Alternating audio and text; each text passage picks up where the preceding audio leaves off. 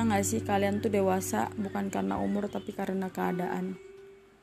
Pasti banyak orang yang dewasa bukan karena umur tapi karena keadaan yang maksa mereka buat dewasa sebelum waktunya.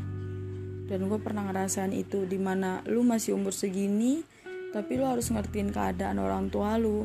Lu harus ngertiin keadaan lingkungan lu. Di mana kayak semua orang tuh ketawa hahaha main, senyum, lu enggak lu harus berusaha mati-matian nutupin rasa sakit lu rasa bingung lu rasa nggak tahu lu sama ketawa sama ngomong iya. Jadi apa apa kalau dijawab iya iya iya. Oh iya deh oh iya deh. Padahal lu tuh sebenarnya nggak tahu apa maksud lu ngomong iya. Kenapa lu harus ngomong iya? Kenapa lu harus ngerti? Kenapa lu harus paham? Lu nggak tahu. Tapi karena lingkungan sama keadaan yang maksa akhirnya terpaksa ngomong iya. Dan gue pernah ngalamin itu dan lu tahu ketika kita dewasa sebelum waktunya kadang ngelihat sesuatu tuh jadi lebih sensitif. Gue kayak gitu sih gue ngeliat sesuatu tuh jadi lebih sensitif dan lebih spesifik aja. Karena takut disakitin takut kejadian dulu terulang lagi dan banyak faktor yang bikin gue lebih hati-hati apalagi kenal sama cowok. Gue kenal sama cowok tuh udah sering disakitin. Tapi gue gue nggak tahu kenapa gue rasa kayaknya Allah tuh sayang banget sama gue karena setiap gue deket sama cowok nggak nyampe sebulan gue tuh udah dikasih tahu gitu loh udah ditunjukin kejelekannya dia.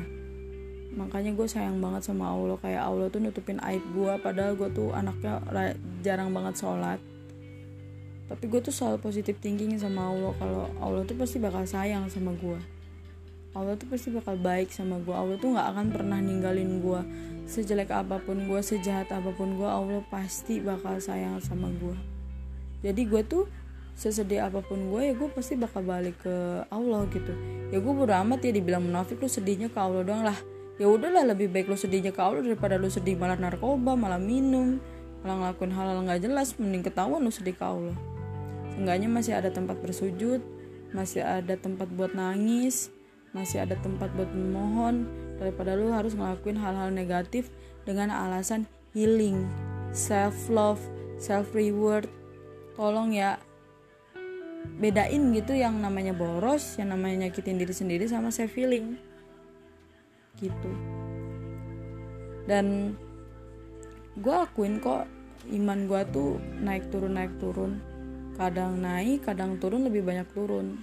Tapi gue selalu yakin apa pun yang gue lakuin apa pun yang terjadi sama diri gue Allah tuh bakal selalu nemenin gue Allah tuh bakal selalu ngajagain gue karena Allah itu sayang gue gue selalu positif thinking kayak gitu. Walaupun gue tahu ibadah gue tuh emang ya iman gue tuh nggak sekuat orang-orang nggak bisa istiqomah. Gue tahu tapi gue tetap positif thinking karena menurut gue segala sesuatu itu berasal dari pikiran kita. Kalau mindset kita bagus insya Allah ke depan depannya juga bagus. Tuh. Gue nggak pernah ngejudge seorang dari pakaiannya atau dari sholatnya karena sholat itu kewajiban. Misalnya dia nakal tapi dia rajin sholat ya udah jangan salahin sholatnya. Salahin dia kenapa dia nakal? Misalnya dia ngerokok tapi dia pakai kerudung. Jangan salahin kerudungnya salahin rokoknya. Kerudung itu kan kewajiban.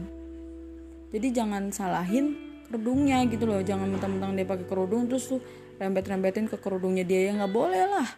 Justru dia bagus udah ngejalanin kewajiban. Tapi ya itu manusia itu makan koto wanisian. Ada kesalahan tempatnya salah sama hilap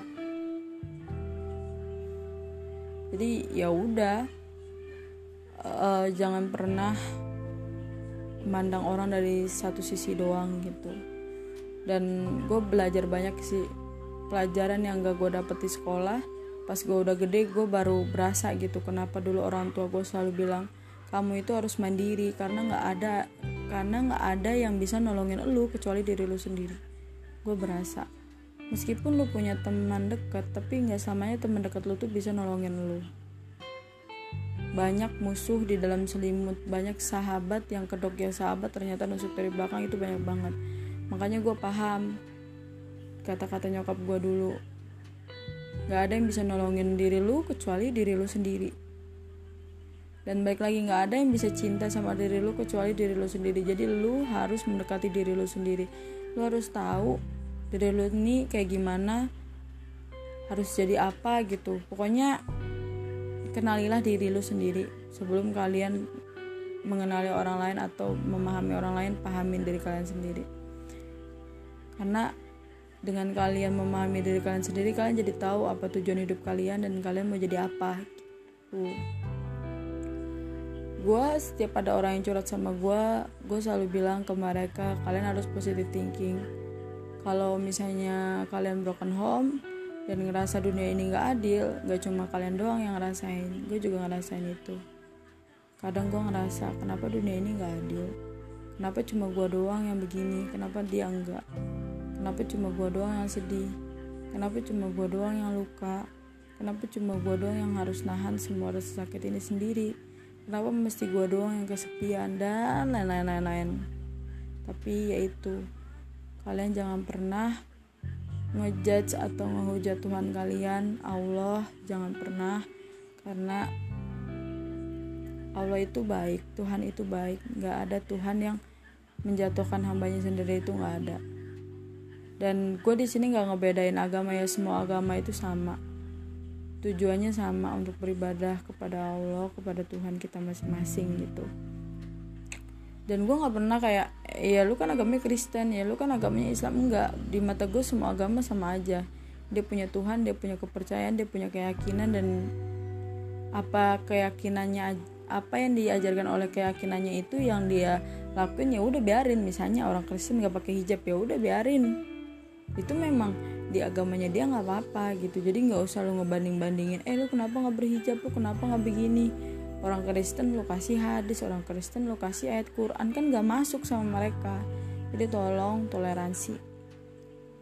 Jadi ke mana-mana kan. Tapi ya nggak apa-apa sih menurut gue kayak gitu. So kalian harus tetap semangat seperti biasa jangan pernah membenci diri kalian sendiri. Jangan pernah ngejudge diri kalian sendiri. Kalian harus bersyukur sama diri kalian. Bisa bertahan sampai di titik ini. Pokoknya semangat. Bye bye